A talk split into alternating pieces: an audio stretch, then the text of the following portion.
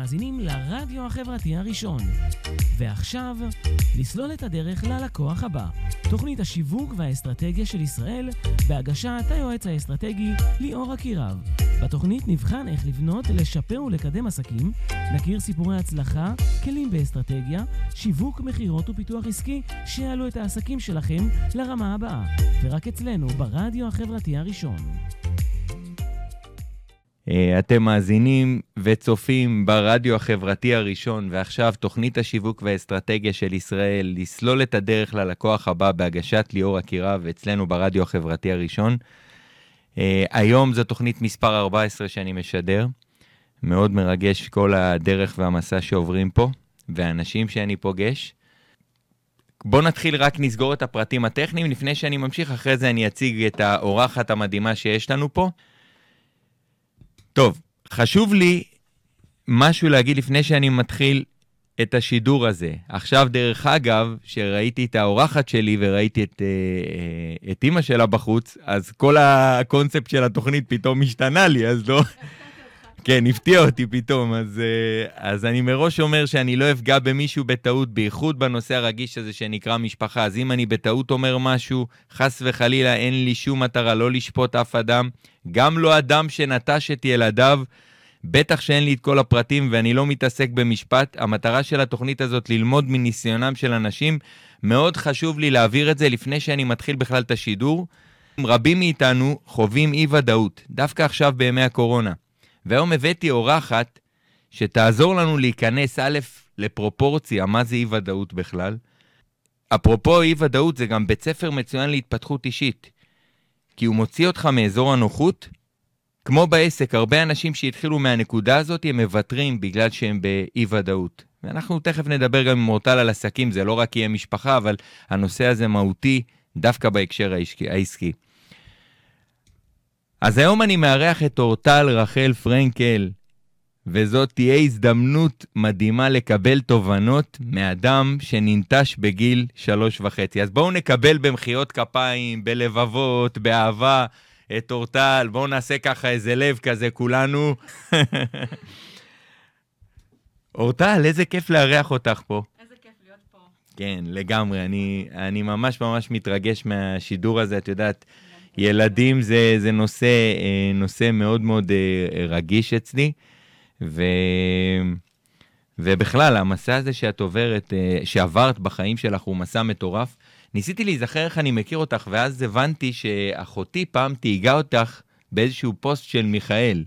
נכון. אז משם הכרתי אותך. אז קודם כל, בואי, בואי רק ככה, פה תרגישי בטוח כל מה שאני אומר, אם לא בא לך לענות על משהו, אל תעני, תרגישי הכי בנוח. אנחנו פה בקטע של לשתף ולתת לאנשים אה, השראה ולתת לאנשים כוח ולדבר גם על אסטרטגיה ועל שיווק, כי זאת המהות של התוכנית. אבל, אבל אני חושב שבאמת מי שמבין עסקים יודע שבעסק הרבה פעמים יש הרבה נקודות של אי ודאות. כל הזמן קורים. עכשיו אנחנו חווים את זה בעקבות מה שקורה בקורונה. אז בואי תספרי לנו קצת על העיסוקים שלך, אה, אורטל. אז uh, אתה ביקשת שאני אגדיר את עצמי. כן. אז uh, קודם כל, אני אימא לליה, בת שנה וחצי, ואני כבר מגיל 23 אה, בנתיב הייעוד שלי. Uh, ואני רוצה ככה לתת איזושהי נקודה לגבי זה, כי הרבה אנשים uh, מתבלבלים. אני גם מלווה מטפלות ומאמנות uh, להקמת קליניקה, וממש למלא את הקליניקה מא' ועד ת', והמון פעמים אנשים מתבלבלים וחושבים שאני צריכה, נגיד אני עכשיו בוחרת להיות מטפלת או מאמנת, למדתי כל מיני דברים, כל מיני תעודות שקיבלתי, אז זהו, אז אני בייעוד שלי. אבל זה לא בדיוק עובד ככה, כי ייעוד זה משהו שהוא איזשהו מכלול, זה הנתיב שבחרת. זאת אומרת, הייעוד מכיל בתוכו גם את המקום שלך אה, בפן היותר מקצועי, יותר קרייריסטי, גם בפן המשפחתי. זאת אומרת, זה, זה כל הכובעים ביחד, כי כל המכלול, כל התפקידים שלך יוצרים אותך. זאת אומרת, אני זה לא רק בעלת, נגיד נקרא לזה בעלת עסק, אני הכל, אני כל הכובעים ביחד, והמטרה היא ליצור איזשהו סינכרון ביניהם. ואני חושבת שאני אשמח מאוד בהמשך אה, להסביר גם איך, איך העניין של קירוב משפחות, איך הוא מתקש, מתחבר להגשמת נתיב השליחות. Mm. את יודעת, אפרופו, אני כל הזמן בפגישות עם אנשים, אני אומר להם, אתה לא צריך לחפש את הייעוד, הייעוד ימצא אותך בסוף. נכון. וגם חוץ מזה, כל פעם שאתה מוצא משהו, חשבת שמצאת, אתה מבסוט, ואז שנה אחרי אתה אומר, וואלה, איזה יופי, הגעתי, הצלחתי, עשיתי משהו, ואז אתה לא מתלהב מזה כבר. אתה צריך למצוא את הדבר הבא. כל החיים, החיפוש הזה, הוא לא מסתיים, ויש אנשים משום מה, בייחוד מטפלים, אפרופו, הם כל הזמן רוצים להיות בייעוד ולעשות את מה שהם אוהבים, והם רוצים להיות כאילו באיזה אווירה כזאת, אווירת קייטנה כאילו בחיים. לא עובד ככה. אני אומר, איפה החיים זה לא קייטנה, ואפרופו לא קייטנה, אז uh, אני לא יודע אם... אם uh, לא, אנחנו לא, לא נפתח בשיר, דווקא בא לי לשמוע, לשמוע אותך. עזבי, אני לא בטוח שאני שם את השירים, אני אומר לך, כאילו, אני רוצה, אני רוצה באמת uh, uh, להתחבר לסיפור שלך. אז תראי, כמו שאמרתי בפתיח, זה נותן כוח לראות אותך, את כל, ה, את כל המסע הזה שעברת, תראי אותך בריאה, מאושרת, נראית טוב.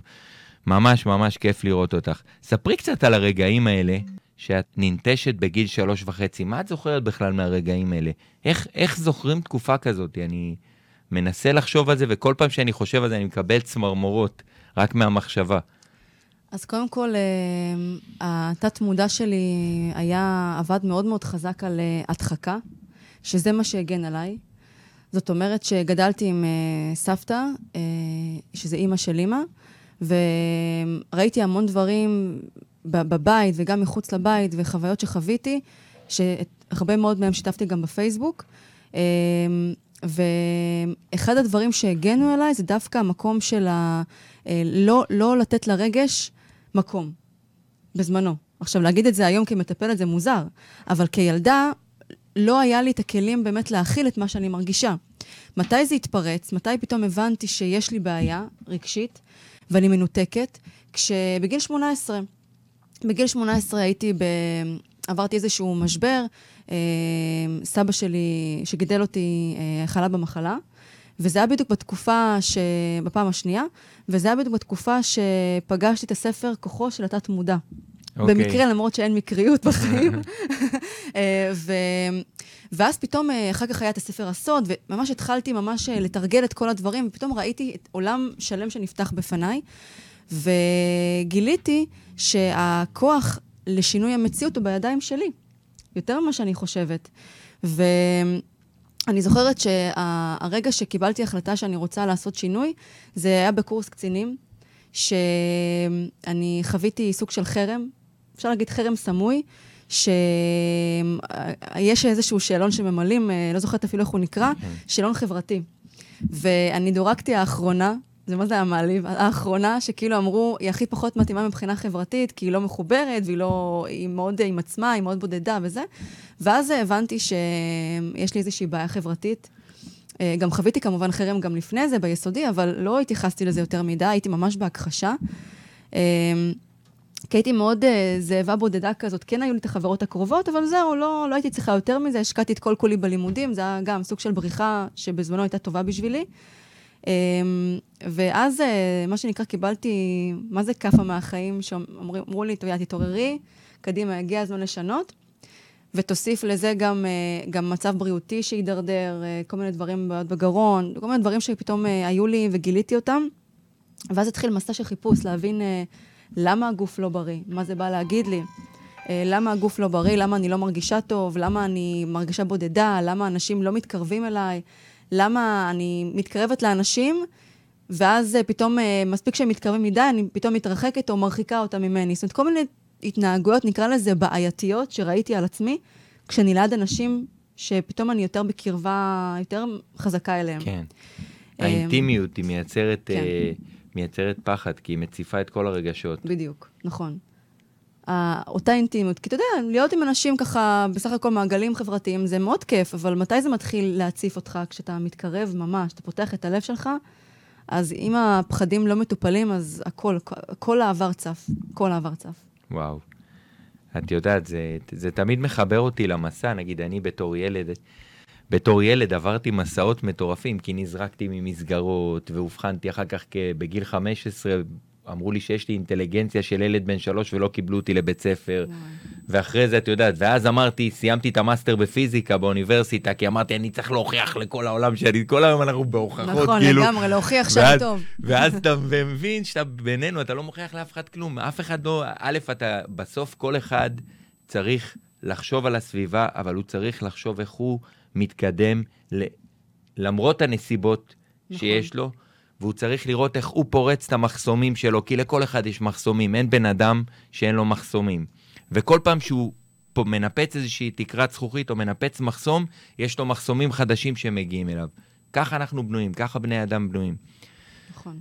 אה, תגידי, אז מה, אז קודם כל, אני מבין את הסיפור בצבא, שצבא זה, ברגע שאתה עושה התקדמות, אתה מרגיש את הכאבים של ה... הכאבי גדילה, הם מתחילים להציף את כל, ה... את כל הכאבים בתור ילדים. לפני שאני ממשיך ככה, קודם כל, רגע, אה, תספרי קצת על אימא שלך פה בזה, כי פגשתי אותה ולא לא, לא, לא, לא, סיפ... לא היה לי רקע יותר מדי. ניסיתי, אבל יש כל כך הרבה חומר בפייסבוק, ובזה אני לא מוצא כלום, הלכתי לאיבוד ממי למצוא, למצוא משהו. אמ, מה מה לספר? ספרי קצת על אימא שלך, על, על איך, איך התחברתם, מאיפה זה, כאילו, אני לא... Um, הקרבה uh, לאימא, בוא נגיד שרוב, הרבה מאוד שנים הקשר היה מאוד רחוק. Uh, זה יכל להגיע למצבים שבקושי היינו מדברות, uh, אחת לכמה חודשים בכלל שיחת טלפון. Uh, לא, זה כבר דברים שהיא מכירה, אז אני לא, אני לא, ברור, עליהם. זה ברור, uh, גם אני, תראי, אני מניח... כל נקודת ההנחה שלי, בגלל שאני מרשה לעצמי לדבר על דברים, אני רואה אותך כמטפלת, את בן אדם שעומד על במות.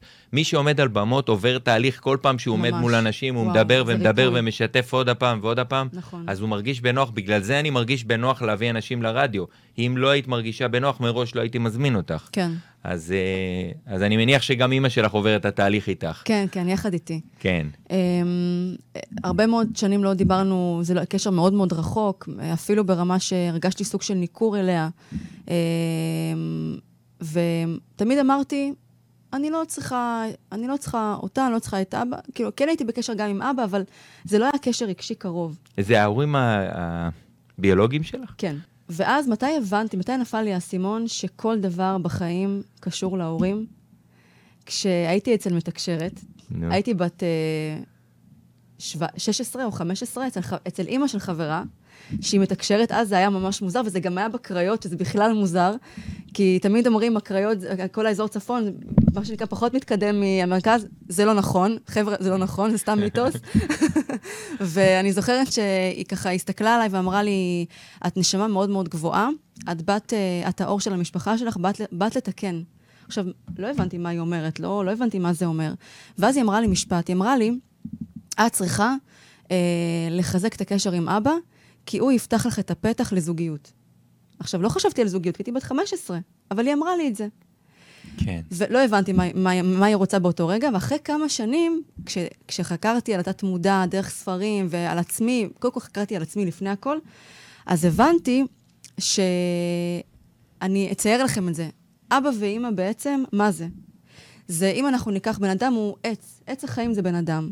זאת אומרת שמה זה האדמה והזרעים שלנו? אדמה זה אימא, וזרעים זה אבא.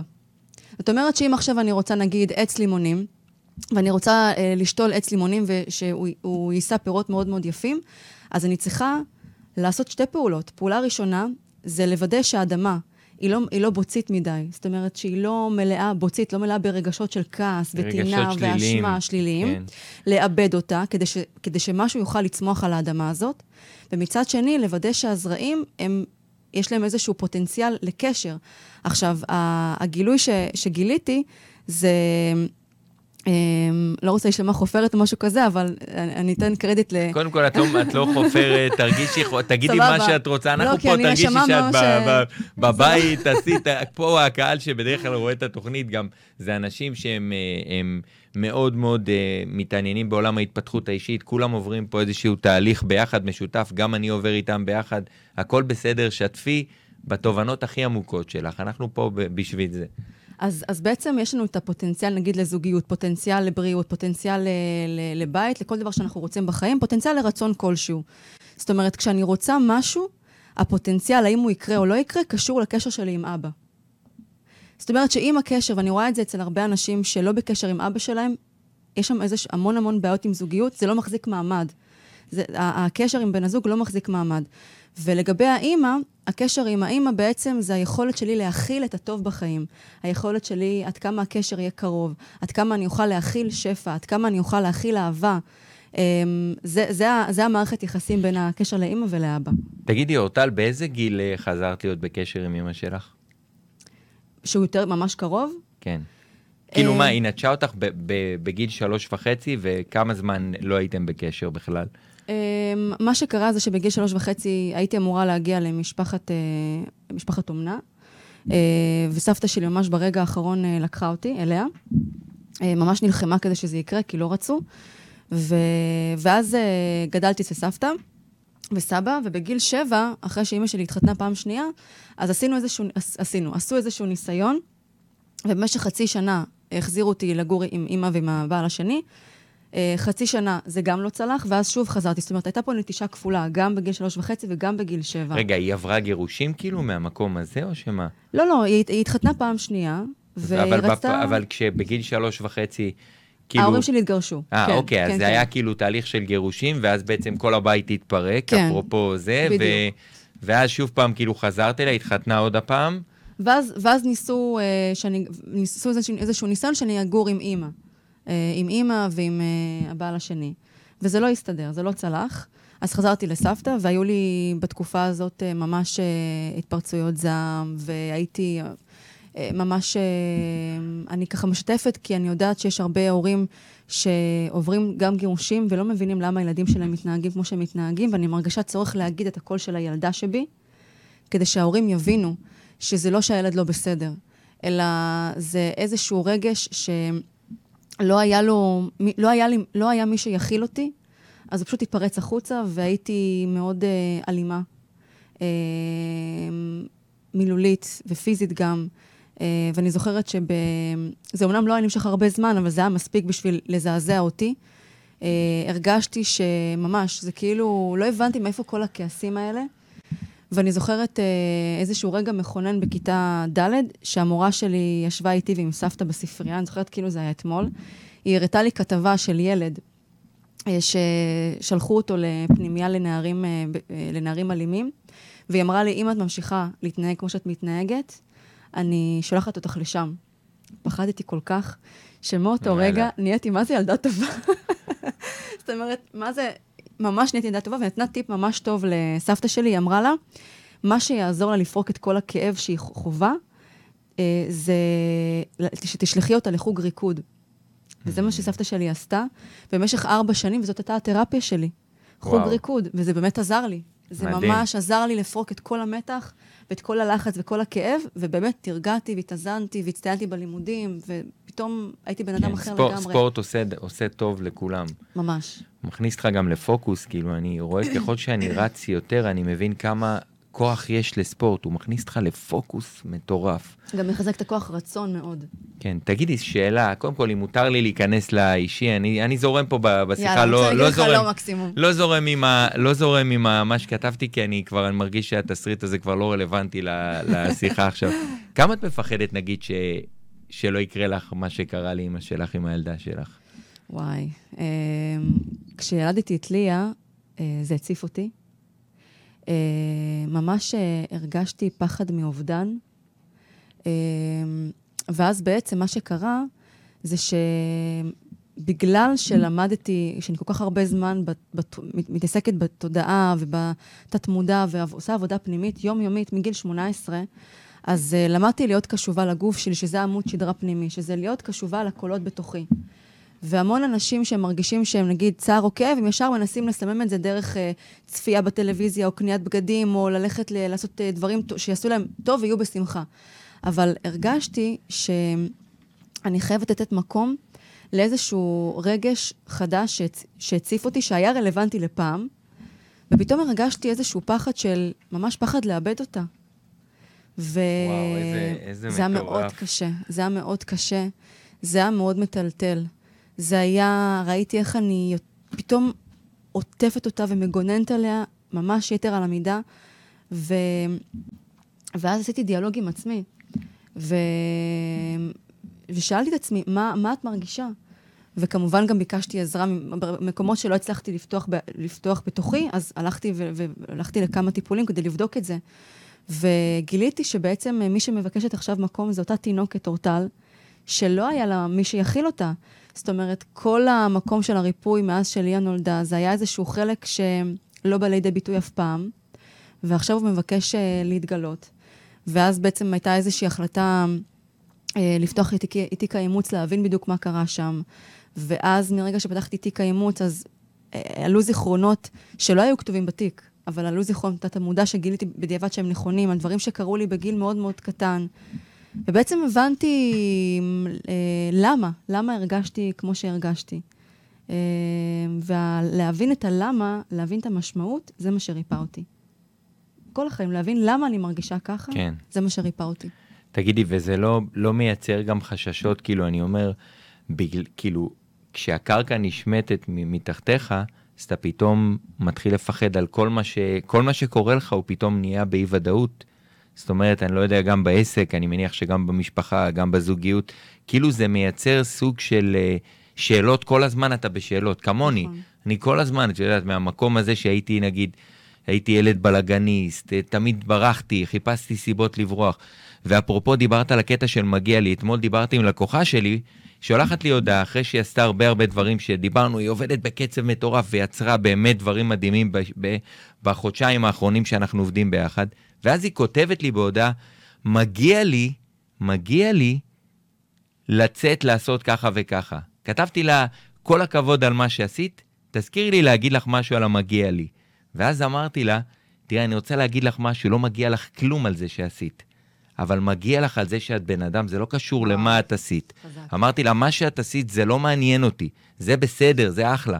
מגיע לך כשאת משיגה תוצאות, את יכולה ליהנות מהכסף שאת מייצרת. לא מגיע לך על זה שאת עושה משהו. את צריכה לעבוד כי את צריכה לעבוד, את צריכה לעשות כי את צריכה לעשות. המגיע לי הזה, זה בדיוק המגיע לזה שאתה הולך ואתה מוריד איזה שווארמה ענקית או איזה משהו, איזה פיתה ענקית אחרי שאתה...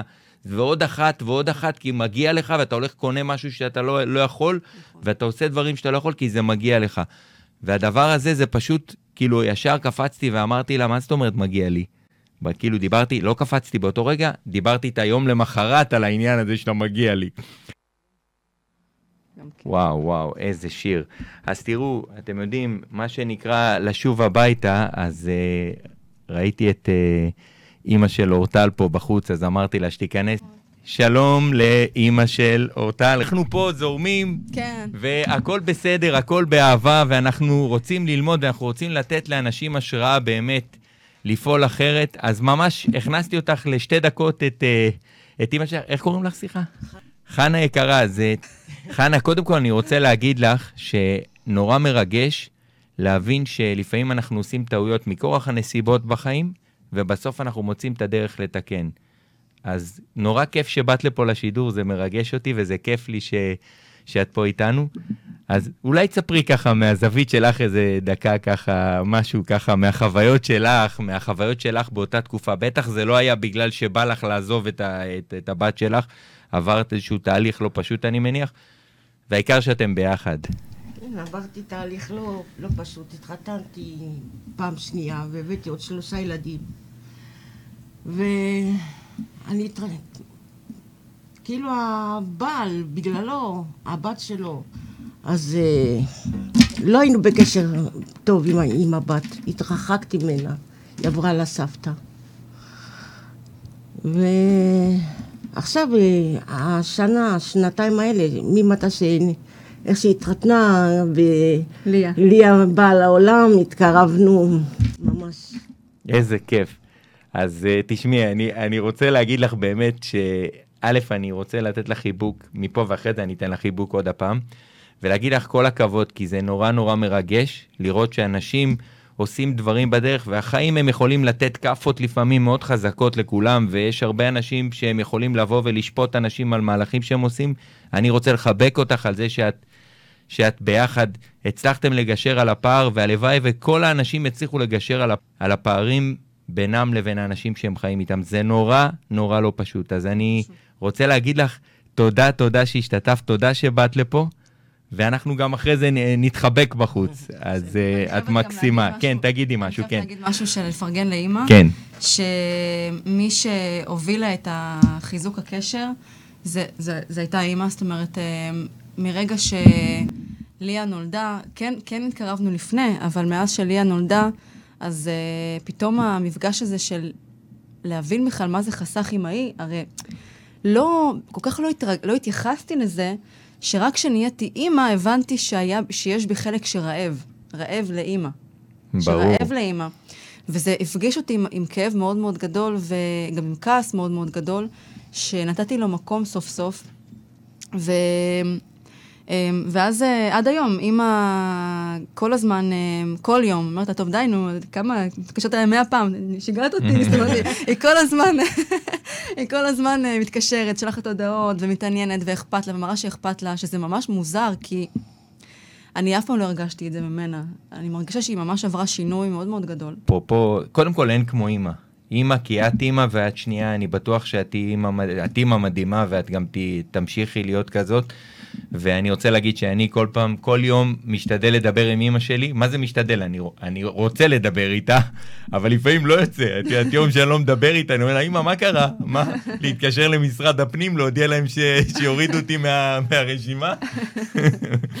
אז זהו, אז תודה רבה לך על, ה, על השיתוף, את מקסימה.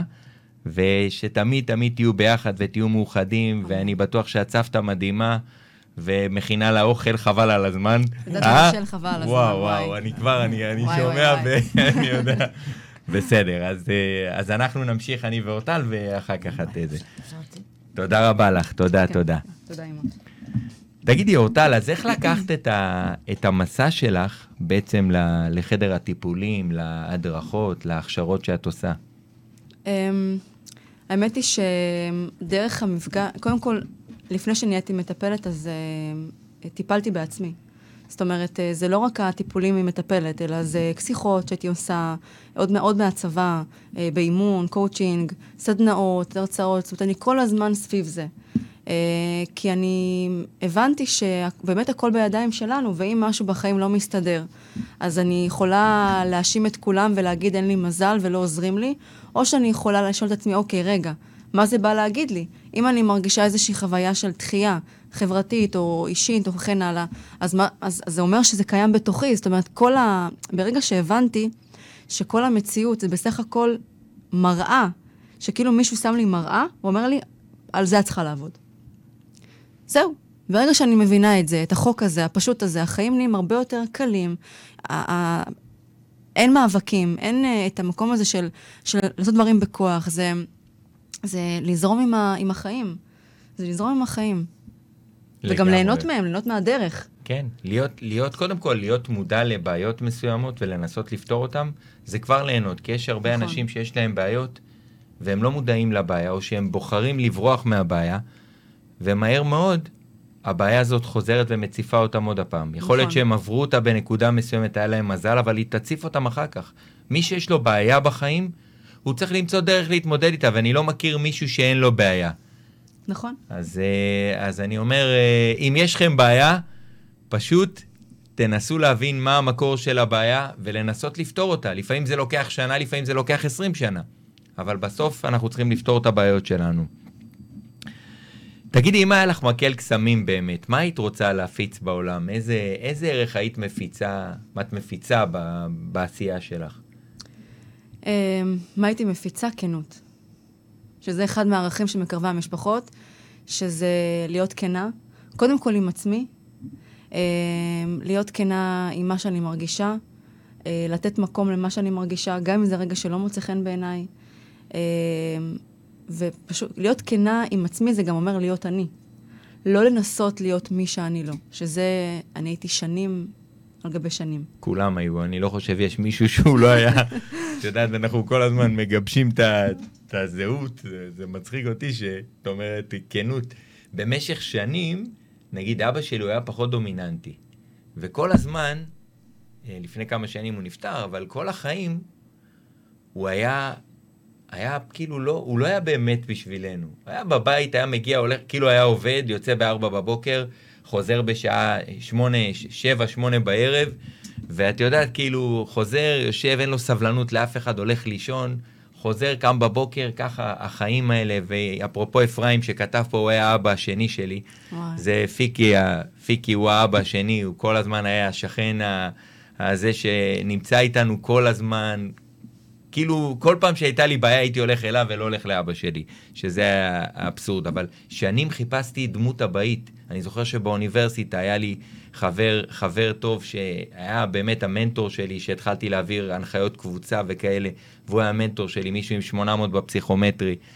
דן לוינסון המדהים, שהוא באמת אה, אה, איש מדהים, והוא היה חבר, חבר מאוד קרוב, עדיין הוא חבר מסוג החברים שאתה לא רואה אותם. וכל פעם חיפשתי עוד דמות ועוד דמות ועוד דמות ועוד מישהו, ועוד מישהו שייתן לי דברים שאבא שלי לא נתן לי.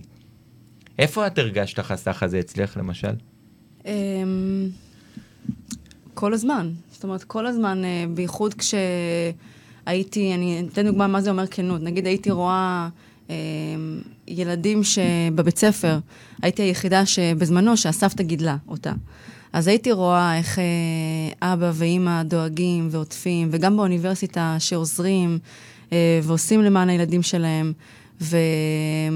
והרגשתי כאילו מין צביטה בלב, שזה היה כל כך כואב, שאמרתי, טוב, אל תקטנוני, התעלמתי כאילו, למה, מזה. למה החיים אצלי יותר קשים, כאילו? ככה הרגשת כזה, הרגשתי, כאילו? הרגשתי מין כאילו. סוג של אפילו קנאה, ממש קנאה. ממש כן. ממש קנאה, וכי זה נגע לי בנקודה מאוד מאוד כואבת. ותמיד אה, לאורך כל הדרך, שאגב, זה מה שבאמת הציל אותי, אגב, הדמויות מעוררות השראה לאורך כל החיים שלי, תמיד היה שם מישהו שאני נצמדתי אליו ולקחתי השראה, והיווה עבורי מודל, מוד, איזשהו מודל אה, לחיקוי, ואני ככה אשמח, אשמח לתת איזשהו קרדיט לבן אדם הראשון שהרגשתי ש... אה, מאמין בי, כמובן שהיו עוד הרבה אנשים לפני, אבל הוא ממש עשה לי שינוי מאוד גדול בחיים, מני ברזילי, שהוא מנכ"ל מיכאל. אה, פעם ראשונה שהרגשתי שאני יכולה הכל, והכל תלוי בי, שזה המוטו של מיכאל. וואו, אמ, זה כל כך, אני, כל, אחותי הייתה חופרת לי על מיכאל, וואו. אני זוכר, זה היה... שם זה פעם ראשונה שיצאתי לעצמאות, לחירות פנימית, כי גם, בג... גם כשגידלו אותי, אז בגלל כל מה שעברתי, אז נורא רצו לגונן עליי ולשמור עליי, ולא נתנו לי להתמודד עם החיים לבד, ואז בעצם כשהגעתי לצבא, ולא הייתי עצמאית, אז, אז לא הבנתי איך החיים מתנהלים, לכן גם היה לי את, ה... את הבום הזה שחוויתי. וזה גם ככה איזושהי, איזשהו מסר שאני רוצה להעביר לכם, כי אני רואה את זה גם הרבה, שאנשים עוברים כל מיני תהליכים וכל מיני קורסים וכן הלאה, והם חושבים שאם הם יישארו בבית ויעשו את הכל בתיאוריה, אז דברים יצליחו, וזה לא עובד ככה. זאת אומרת, אנחנו צריכים כל הזמן לחתור לעצמאות. אנחנו צריכים, אה, ואם אתם גרים עם ההורים, וזה מפחיד, צאו מהבית. צאו מהבית, תגלו את עצמכם, תעזו לגלות את עצמכם, אל תפחדו, כי אם אתם לא תצאו משם ולא תגלו מי אתם, הכל יישאר סגור. ואפשר להאשים את כולם ולהגיד, אה, זה לא מצליח לי, אין לי מזל, זה לא זה. תחתרו לעצמאות, שזה אגב עוד ערך, שהוא מבחינתי העליון, כל הזמן לשאוף לעצמאות, עצמאות רגשית, עצמאות כלכלית, עצמאות, גם בזוגיות עצמאות. ולהיות אני, אבל גם לדעת להתמזג. כן. את יודעת, זה מאוד מתחבר לנושא של אי-ודאות. הסיבה, שנגיד אנחנו רואים, תגידי, אה, מה אמרת לעצמך ברגעים קשים בעסק, בחיים? אמ, הייתי אומרת לעצמי שהכל קורה לטובת צמיחתי. זה גם מנטרה, אה, ויש משפט מהמקורות, אין רע יורד מהשמיים. וואלה. שזה בעצם אה, אומר ששום דבר שקורה לנו הוא לא רע. הכל, הכל, הכל, הוא בונה אותנו. לטובתי לט- ועבורי. לטובתי וגם לטובת הכלל. כן. זה לטובת כולם בעצם. נגיד, מה ש... אני אשמח לדבר על זה, כי זה משהו שגם מעסיק הרבה בעלי עסקים, המקום של הביטוי. שהרבה אומרים, אה, מה, איך אני יכולה לחשוף את, עצמי, את הסיפור שלי? לא, לא רוצה להיחשף, לא רוצה זה. אבל צריך להבין שכשנמצאים בנתיב של שליחות, אז זה אומר לפתוח את הלב. ויש עוד אה, ככה מוטו של מקרבי המשפחות, זה כגודל הלב הפתוח, כך גודל ההשפעה. זאת אומרת שככל שאני אסכים לפתוח את הלב ולדבר ולשתף, אז אני אגלה, קודם כל, שאני לא לבד. זאת אומרת, אני אגלה שלא רק אני עברתי את כל זה. אני נכון. אגלה שלא רק אני עם כל המחשבות והרגשות האלה, אלא כל מי שסביבי. אני פשוט יודעת את זה ומגלה, אחרי שאני עושה את הצעד הראשון, אני בעצם נותנת לאחרים את האומץ גם להצטרף למקום הזה. אז הריפוי הגדול ביותר זה כשכל אחד מאיתנו מבטא את עצמו, כי זה נותן מקום לאחר. כל כך נכון, אני, אני תמיד אומר, מי שמשתף, מקרב. כי נכון. נגיד שאני אני עמדתי כבר אולי מעל 20 אלף נערים, דיברתי בפניהם כמה, בשנתיים, שלוש האחרונות. אני רוצה להגיד לך שזה פשוט מדהים לספר להם את הסיפור שלי, איך אני הייתי ככה. אומרים לי, אבל אני לא יכול לעשות תואר שני בפיזיקה. אני אומר להם, גם אני לא יכולתי בנקודת זמן שלך. זה בסדר, כי בן אדם בין חמש לעשר שנים יכול לשנות את המציאות שלו, וזה לא משנה איפה הוא נמצא, הוא יכול לשנות אותה ממצב מסוים למצב אחר. נכון. אז אני מאוד מאוד מתחבר לעניין הזה של קרבה ושל שיתוף. ועכשיו, דווקא ב- בעידן הזה של הקורונה, קורה משהו יפה. כי הוודאות של כולם כמעט נעלמה. ונוצר מצב שכאילו, א', נהיה פה איזה, איזה רצון להתקרב ולחבר אחד את השני. אנשים פחות חושבים על עצמם, יותר חושבים, חושבים ביחד. נכון. זה כאילו יש פה איזשהו משהו גדול שקורה דווקא בעקבות הקורונה. אז נוצר איזשהו מצב של אי ודאות לכולם. מה, איזה, איזה טיפ את יכולה לתת לאנשים עכשיו שמתמודדים עם אי ודאות בחיים שלהם? פתאום פיטרו אותם מהעבודה, פתאום, אה, את יודעת, העסק שלהם אה, ירד משמעותית. הטיפ שאני יכולה לתת זה לספר. לקחת אה, פייסבוק, אינסטגרם, אה, לא משנה מה, פשוט לספר. לספר מה אתם מרגישים, מה אתם, מה אתם חווים, לבקש עזרה. אני יכולה להגיד שאת הזוגיות שלי, למשל, של, שאני עם בעלי, זה, זה מצחיק, אבל אני זוכרת שכתבתי פוסט בפייסבוק, וכשהייתי באוניברסיטה, אה, וכתבתי פוסט אה, איזה, איזה בן זוג אני רוצה. ומה קרה בסוף? וזה היה, וזה היה מעשה מאוד אמיץ, אוקיי? כי הרבה עקבו אחריי אז, ואני זוכרת שמה שקרה זה שחברה משותפת, שבכלל לא ידעה שאני מחפשת, אה, חיברה בינינו. עכשיו, אם אני היא לא... לא ראתה את הפוסט אבל. לא, היא ראתה את אה, הפוסט. כן, אה, אוקיי. חשבתי שלא, כי לא זה גם זה. קורה. לא, לא, היא ראתה, וזה מצחיק, כי, כי איתמר בעלי היה איתי באותו מקום, ב, ב, ממש קרוב אליי, הוא גר, גם גר במעונות, ולא נפגשנו אפילו פעם אחת. זאת אומרת, רק אחרי שפתחתי את הלב וכתבתי את הפוסט הזה, פתאום אה, קירבתי את זה אליי. ג'ים רון אומר, הנוסחה לקבל כל מה שאתה רוצה בחיים, זה אסק. נכון. קודם כל תתחיל לבקש. מי שמבקש, גם ככל שאתה לומד לבקש, אתה לא נהיה יותר מדויק בבקשות שלך, פשוט היקום מסדר את זה. הוא דואג לך. לפעמים אנחנו מבקשים משהו לא עם כוונה אמיתית, כי אנחנו לא מדויקים. נכון. וכשאנחנו מדויקים, כל היקום מתכנס לעזור לנו. אם אנחנו לא מקבלים את מה שאנחנו רוצים, זה עדיין לא מדויק לנו. אנחנו נכון. צריכים לדייק את זה. זה, זה חזק מאוד הדבר הזה.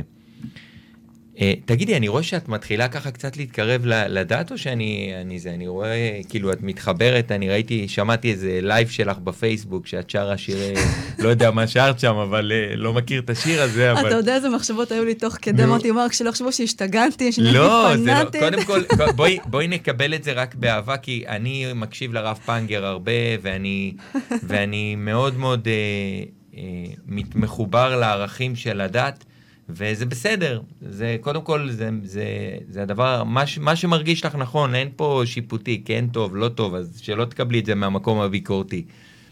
אז... אה, אז את מתקרב, מה קורה? מה קורה פה? תספרי לנו, אמ, תספרי לחבר'ה, למאזינים ולצופים. אני אספר, אני אספר.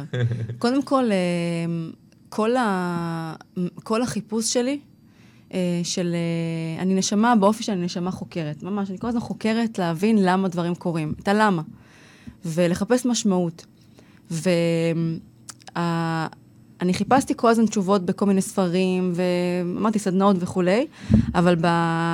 אפשר להגיד, בארבע שנים האחרונות, חמש שנים האחרונות, אז החיפוש יותר uh, התמקד לחיפוש במקורות, ששם קיבלתי תשובות uh, שמאוד סיפקו אותי.